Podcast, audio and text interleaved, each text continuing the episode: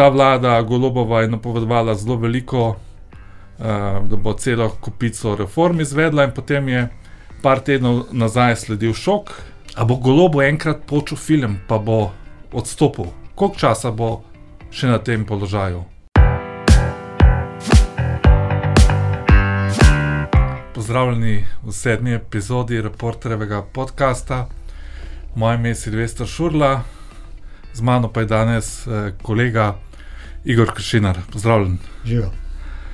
Igor Kršinar je novinar in tistih eh, v Sloveniji, ki zelo dobro poznajo notranjo politično sceno. To področje pokriva že več kot 20 let, če se ne motim, 30 celo. 30. Pozna zadeve tudi, kaj se dogaja v zadju, ne samo kaj na površju, v slovenski politiki. V slovenski politiki se marsikaj dogaja. Smo eno leto po volitvah, ki so prinesle zamenjavo oblasti, pričakovanja glede zmagovalne stranke Gibanja Svoboda so bila ogromna, zdaj je tudi razočaranje, precejšnje. E, Če primerjamo to z desetimi leti nazaj, ko je zmagala SMC, je podpora tedajni stranki Mira Cererja tudi padla, mislim, da še bolj hitro. Še hitreje. Ja. Še hitreje. Uh, oglaša se tudi zadnje čase nekdani premijer Miro Cerar. Uh, je tudi dokaj kritičen do globove vlade. Jaz imam tukaj, um, glede tega, kakšne zadržke do Cerarja, ker uh, vemo, da takrat, ko je bil na oblasti med letom 2014 in 2018, v bistvu ni kaj velik naredil. V bistvu so bila to mandat nekih, bi lahko rekli, izgubljenih priložnosti. Uh, tako ne vem, če je on ravno tisti pravi naslov, ki bi lahko naslavljal neke kritike na sedanjo vlado. Jaz, recimo, če bi bil na njegovem mestu, uh, Bi bil raje tiho. bi bil raje tiho, ali bi se pa dva metra pogreznil v zemljo. Tako metaforično. Ampak vendarle, pač eh, pričakovanja so bila zelo velika, zdaj razočaranje tudi veliko, vendar še ni tako veliko, kot je bilo v času eh, Mira Cerarja. Eh, ta vlada Golobova je napovedovala zelo veliko, da bo celo kupico reform izvedla, in potem je par tednov nazaj sledil šok, ko je premijer nastopil na Pop TV, na komercialni televiziji in izjavil, da mogoče pa teh reform sploh ne bo, oziroma da bo mogoče samo ena reforma, vemo pa, da javnost podpira uh, večinsko samo reformo zdravstva. Zdaj me pa zanima, glede na to, da ti zelo dobro poznaš za kulisje slovenske politike, uh, pa da se tudi že špekulira nekaj časa, uh, a bo golobo enkrat počel film, pa bo odstopil. Koliko časa bo še na tem položaju? No, kot imam jaz informacije, ne, eh, se zelo veliko govori o tem, kako bo golob vrgel puško v koruzo in odšel, ampak eh, po mojih informacijah se to ne bo zgodilo. Ne. Torej, ni golob šarec. Golob ni šarec. Ne. Čeprav dober, eh, zgledalo je, kot da je, kot da je vrgel puško v koruzo, ko je s tem, ko je rekel, da ne bo eh, te eh, davčne reforme. Ampak zdaj pravi, da vseeno bo. Ne. A misliš, da je to bil nekakšen šok, namerno povzročen, da je rekel, zdaj pa ne bo reform, samo zato, da si javnost zdaj želi, pa vendarle bo treba kakšno reformo narediti. To je vse možnosti. So, Ker ljudje so običajno proti spremembam. Ne? Ljudje so poča, eh, običajno proti spremembam, vendar pa sem prepričan, da če bi recimo bila davčna reforma takšna, ki bi prinesla ljudem više neto plačo, bi jo ljudje podprli. No, ampak šok pri davčni reformi v čem je bil? Začeli so govoriti predstavniki Ministrstva za finance, zdaj je odstopil tam državni sekretar za davke Tilen Božič. Začeli so govoriti, da nam bodo obdavčili uh, regrese. Regrese vemo, da, je, da jih je uh, odstranila obdavčitev Šačeva vlada, potem da nam bodo obdavčili malco, potem dodatek za prevoz. In seveda je nastal velik odpor v javnosti. Seveda, zato ker v bistvu ni nobene logike, če rečeš, da boš obdavčil pravzaprav neto plačo. Potem jaz ne vem, po kakšni logiki bo potem ta neto plača večja. No, pa če se vrnemo zdaj nazaj na goloba.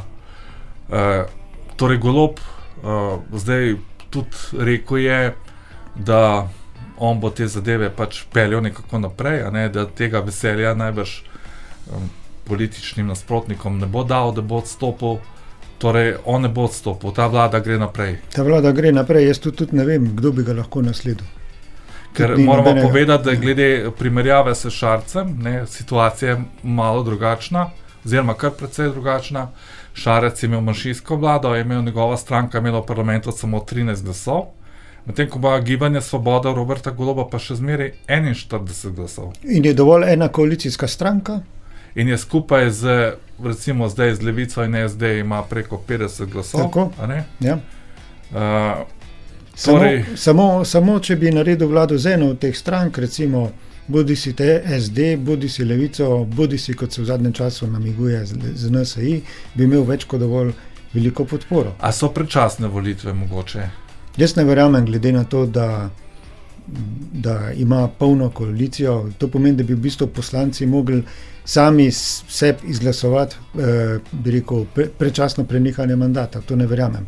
Tudi recimo to, Gibanje Svoboda ima zdaj 41 poslancev, jaz bom da, da jih bo po naslednjih imeli, volitvah še imelo toliko. Ne.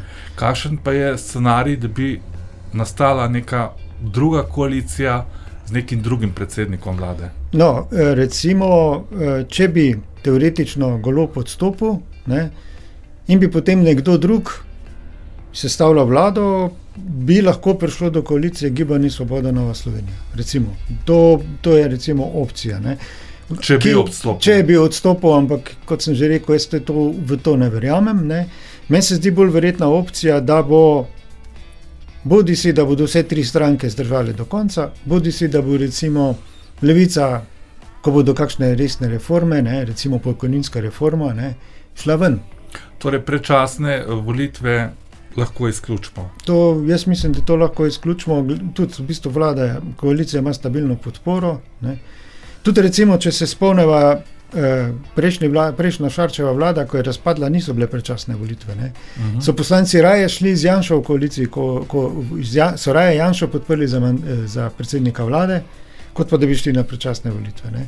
Ampak to se v tem mandatu ne more zgoditi. To se pa ne more zgoditi. Da bi Janša zato, postal v tem mandatu. To je pa ne mogoče zaradi tega, ker ima gibanje Svoboda 41 poslancev. Uh mhm. -huh. Kaj pa naslednja opcija? Gotovo pač uh, vemo, da je odstopila je že ministrica za notranje zadeve Tatjana Bobnar, da pride v naslednjih mesecih, recimo po enem letu vladanja, da se naredi neka analiza do neke rekonstrukcije vlade. To je povsem možno, mislim, da se tudi vem, že delajo, uh, bi rekel, spini v to smer. Uh mhm. -huh. Se pravi, pre, prepričujejo javnost preko raznih, uh, bi rekel, dobro obveščenih ljudi. Ne? E, tudi meni je prišlo na uho, da ne bi zamenjali par, par ministrov. S tem, ko bi zamenjali par ministrov, eh, bi v bistvu vlada pridobila, ne, bi v bistvu si nekako eh, lahko podporo povečala. Ne. Kateri pa so najšipkejši členi v ministerski ekipi Roberta Goloba? Ja, zdaj, če odmisliva finančnega ministra. Ne. Vemo, da finančni minister ni bil prva izbira. Ni bil prva izbira. Pač, eh, potem prišel na vrsto, šele ko je par ljudi zavrnilo ponudbo. Ja. Eh, recimo, problem je lahko tudi Bešič Loredan, če bi recimo iz kakršnih koli razlogov samo odstopil. Mal ne verjamem, da bi mu premijer nekako eh, dal nezaupnico, razen če bi se ne vem kaj zgodilo. No, no zdravstvo no, ampak, je zelo pereča tema, ne, je zelo veliko interesov, zelo veliko denarja, ja. zelo velika odgovornost. Tudi eh, premijer Robert Golops je na, na svoje hrbet vzel to odgovornost, vemo, da je strateški svet pri njemu. In da mogoče smo mislili, da sta v bolj nekih kooperativnih, prijateljskih odnosih predsednik strateškega sveta Erik Brecel, pa ministr za zdravje Bešič Loredan, pa se je skazalo, da to ni. Zato pa mogoče tudi jaz dopuščam neko možnost, da bi prišlo do zamenjave, lahko tudi čez čas. Uh, mogoče bi to seveda izpeljali na ta način, da bi rekel uh, Bešič Loredan, da izstopa iz, uh, odstopa iz osebnih razlogov. Ne? Tega ne bi posebej izključili. Tako, ne? Te, tega ne bi izključili. Ja, tako, uh, od ostalih ministrov, recimo, v kateri slišim, da je najšipkejši člen ministrica za digitalizacijo Emilija Stojmenova uh, Duh. Ne? Za ministrico imajo zdaj ministrstvo v Mariboru. Ja, s tem so prispevali decentralizaciji, pa tudi bi rekel k temu, da ministrici se ni treba voziti v Ljubljano. Ja, imamo ma, manjši oglični odtis. Potem. Tako, tako. Uh, ja, zdaj naštel si samo ministre z gibanja svobode, najšip, kot najšipkejše člene. Vemo pa, da so tukaj ministri še iz drugih koalicijskih strank. Recimo imamo ministrico, ki ti piše za kulturni boj, tako ministrico Asto Vrečko, ja, ki, ki se ukvarja s kulturnim bojem, namesto da bi se ukvarjala z medijsko zakonodajo. Ja, pa še s čim drugim. Ampak glede na to, kak, eh, na njeno obnašanje, je mogoče celo dobro, da se ne ukvarja z medijsko zakonodajo. Ne? V bistvu Ministrstvo za kulturo, vsi vemo, da je to neka razdelilnica denarja državnega. Tako, Ampak ja. vendarle smo nekaj pač mogoče naivno pričakovali, da bodo vsaj neke stvari rešili, kar se tiče uh, ne samo medijev, ne, tiskanih medijev, ampak tudi uh, kar se tiče uh, uh, teh multinacionalk, teh tehnoloških velikanov. Vemo, da imamo še zmeraj telefone Apple, ne, ki imajo še zmeraj angliški operacijski sistem. In da je že prejšnja vlada se je nekaj trudila, ne, da bi prisilili te multinacionalke, da bi to prevedli. Uh, potem so še ti uh, streaming servisi na televizijah, nekateri so v angleščini dostopni in vendarle tam na Ministrstvu za kulturo se vse zatika. Zakaj se zatika zdaj? Pod levico, vemo, da je levica v osnovi proti globalizmu, proti multinacionalkam, zdaj pa slišimo o tem, da se nič ne da narediti. A je res tako? Seveda bi se dalo narediti, ne. se tudi recimo se poslanka Irina Joveva zelo prizadeva ne, po eni strani, ne, da bi se in opozarjali multinacionalke, ne, eh, ne izpustujejo slovenščino. Ne. Uh -huh. Uh, jaz zdaj ne razumem, ne. mislim, koliko po zadnjih informacijah je, je, so odstavili celo šefa. Oddelka za slovenski jezik. Ne. Slovenski jezik, ki ja. se je prizadeval za ki to. Ki se je prizadeval za to. Ne. Neverjetno.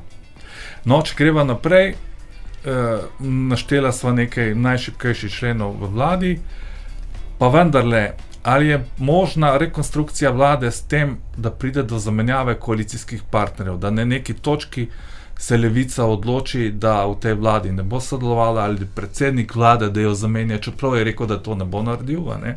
Mhm. recimo z Novo Slovenijo.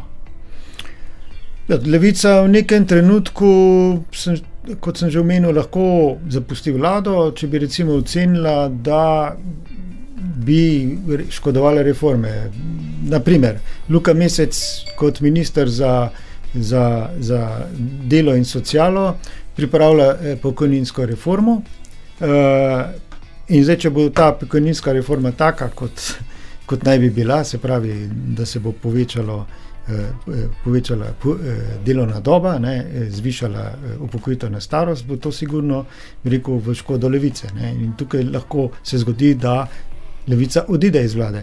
Vendar ima gibanje Svoboda tu skupaj z SD-jem dovolj poslancev, da v bistvu ne rabi nove Slovenije. Samo pri, levi, pri levici, če se tukaj ostava, še pa bo šla pa s tem kasneje nazaj na novo Slovenijo. Ne. Levica je bila v mandatu Marjana Šarca, to je bilo tiste dve leti, ko je bil slabi dve leti, ko je bila ta manjšinska vlada, nekakšen izven koalicijski partner. In je Levica, kot se oba spomniva, prva odtegnila podporo vladi, tudi zaradi dopolnjenega zavarovanja, zdravstvenega, pa tudi zaradi drugih stvari. In so nekateri poslanci Levice zelo komescem na čelu in Miho Kordišem si obetali, da s tem, ko bo prišel Janez Janša na oblast, da bo levica zelo pridobila in da se jim splača biti v opoziciji. Pa vendar je ta levica na lanskih volitvah komaj da za rep prišla v državni zbor. A ti ne misliš, da si v bistvu levica zdaj, ko je šla prvič v vlado, ko je že deset let na slovenskem političnem prizorišču kot parlamentarna stranka, si podpisala nekakšno smrtno obsodbo, da te stranke, recimo, na naslednjih volitvah ne bo več v parlamentu. Ker, kot si rekel, eh, ti ministri so zdaj prišli eh, levice od Luke Meseca do eh, potem tega eh, ministra za eh, solidarno pri, prihodnost, ja. Maljevac. Maljevac. Maljevac se je Težko se spomnim, kdo ja. sploh je, do te ministrice za kulturni boj. So padli na neka trdna tla. Ne? In, uh, ti, ki si v opoziciji, lahko marsikaj obljubljaš, kričiš, upiješ, potem, ko prideš pa na oblast, ne, pa rečeš, da ja, se ne da narediti, obljubljal sem vam tok, pa tok stanovanj, tisoč, pa se ne da narediti. Ne. No, to, to je na to, kar jaz opozarjam. Da pravzaprav da je levica je, je v bistvu uh, dobila zahtevne naloge, njeni ministri, ne, in lahko se zgodi, ko, da bodo presodili, da jim izvedba teh nalog ali pa ne izvedba teh nalog eh, lahko močno škodi in lahko izvedejo nek manever in odidejo iz vlade. Torej, je bolj verjetno, da sami odidejo iz koalicije, kot pa da jih golob vrže. Mislim, da je to bolj verjetno. Golob ne verjamem, da bo koga vrgel iz koalicije. Torej, iz njihove neke računice, da pač uh, jim bi to koristili na naslednjih volitvah in da bi jih to ohranili v političnem življenju. Ja, seveda, ker v bistvu. Um, Oni imajo ta problem. Ne? Če ne bi sprejeli, da, da gredo vlado, bi v bistvu izpadli kot neki nekonstruktivni. Ne? Uh, zdaj, ko so sprejeli, ne, so se pa v bistvu v to past uh, ujeli, ko bodo morali nekaj narediti, kar mogoče ne bo pogodilo njihovim voljivcem. No, zdaj greva pa nazaj na Novo Slovenijo. Uh, Nova Slovenija po tem mandatu sodeluje z Golobovo vlado, je tudi nekakšna izven koalicijski partner, sodeluje pri nekaterih ustavnih spremembah, potem so obljubili, da bodo podprli nekatere reforme. Celo. Zakaj bi bilo po tvojem boljše za Slovenijo, da bi bila na mesto levice eh, v sedanji vladni koaliciji tudi formalno Nova Slovenija, ki se zdaj je zaradi tega, zaradi teh podpore in sodelovanja z golobovo vlado na velikem udaru SDS, predvsem predsednika Jana Zajanše. Zakaj bi bilo bolje, da bi bila Nova Slovenija koalicijski partner na mesto levice. Iz istega razloga, kot je tudi recimo vključil eh, najprej krščanske demokrate, potem pa recimo ljudsko stranko. Eh, to bi bila lahko umirjena koalicija, eh, uravnotežena koalicija, ki ne bi šla niti preveč v levo, niti preveč v desno. Preko nje bi lahko prišlo do nekega splošnega družbenega konsenza o reformah, tudi recimo pri reformah, ki vidimo, Nova Slovenija je obljubila podporo dobrih rešitev. Um, uh, uh, poleg tega tudi se mi zdi, da je, da je mogoče, ne, da bi bila dejansko bolj konstruktivni koalicijski partner od recimo, ki so prej omenili Levice. Uh mhm. -huh. Zdaj, drugo vprašanje je pa to, ali bi Nova Slovenija šla v vlado. Uh, mislim, da je glavno priložnost premijer zamudil takoj po oblikovanju vlade, ko je ni povabil v vlado. Eh, prej so jo povabili. Prej sta jo povabila tako Cerar kot Čarec. Čarec pa, pa, je, pa si je NSA zapravila priložnost, da bi sodelovala v tej vladi. Zdaj je golob ni povabil. Sej razumemo zakaj. Zaradi tega, ker se je na nek način umazala tudi s tem sodelovanjem v Janševi vladi in ker je tudi bila premalo odločna, oziroma sploh ni nasprotovala eh, tem najbolj spornim stvarem. Ne. Gledaš te zadnje napade Jana Zajanša pa njihovih eh, aktivistov, predvsem po Twitterju na račun Nove Slovenije. Ja, seveda, zdaj, zdaj, zdaj jih, so kar v težkem položaju. So v težkem položaju, ne, ker v bistvu na nek način uh, jih sku, skuša spraviti iz parlamenta. Pa mu to lahko uspe. Ja, zdaj, če bo imel, uh, če pripravlja stranko Anžeta Logarja, ne, uh, Seveda, tu je vse odprto. Vemo, da Nova Slovenija na lanskih volitvah je bila ena od tistih strank, ki so za volilno kampanjo porabile zelo velik denar, mislim, celo največ. Izplen pa je bil tam okrog 7%, ne? Mhm. oziroma še manj.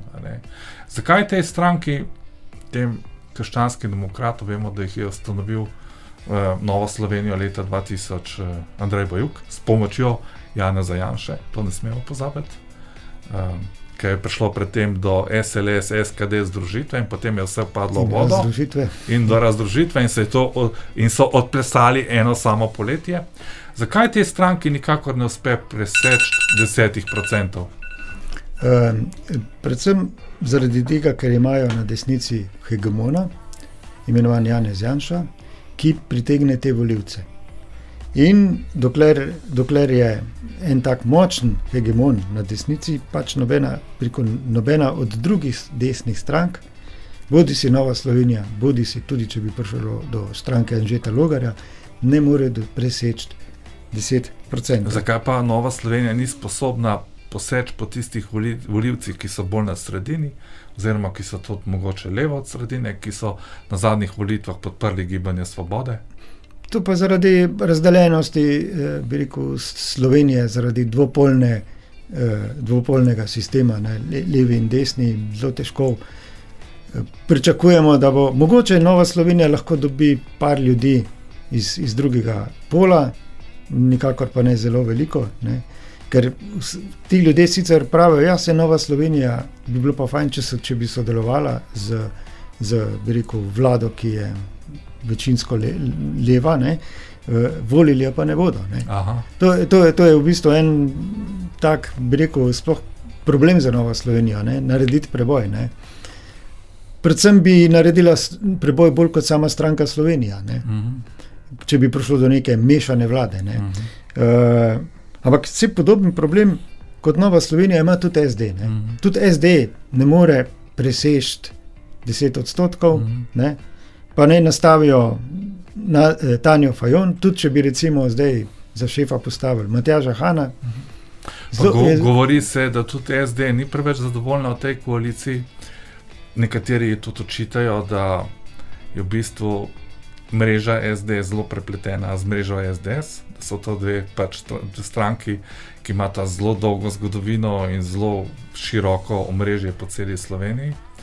Uh, niso bili najbolj zadovoljni v tej golobovi vladi. Ja, niso zadovoljni zaradi tega, ker so manjšinska stranka. Ne. Oni so pričakovali, da bodo stanje od Fajon dosegli tam 21 odstotkov. Uh mhm. -huh. Potem pa se je po, rekel, pojavil golob ne, in jim v bistvu rezultat celo eh, rekel, zbil. Ne. Pa še na koncu bi samo še ostala se pri civilni družbi. A lahko leva civilna družba, ki se eh, lasti zasluge za golobovo vlado, to vlado tudi zruši. Vemo za te kolesarje, za Jašo je nula, še zmeraj protestira, e, predvsem kar se tiče javnega zdravstva zadnje čase, e, učita vladi. Pač, da jih mora jih bolj poslušati, vemo, da pripravljajo neke zakone, jih pošiljajo na vlado, ali lahko ta leva civilna družba zruši goloba. E, ta leva civilna družba se mi zdi, da ima največ vpliva na levico. Ampak tudi, če odide levica, ima golob še zmeraj skupaj z SDM večino v parlamentu. Uh, problem bi nastal v primeru, če bi začela uh, podpora stranki Gibanje Svoboda zelo drastično padati. In da bi recimo se zgodilo, ne, kar se je že, že zgodilo, Cerarju, da ga je prehitela SD. Recimo ali pa recimo eh, pozitivni Sloveniji, da jih je prehitela SD. V tem primeru bi bilo to zelo nevarno, ne? ker bi mm. potem začeli posamezni poslanci eh, Gibanja Svoboda razmišljati o tem, o kakšni novi poslanski skupini. Mm -hmm.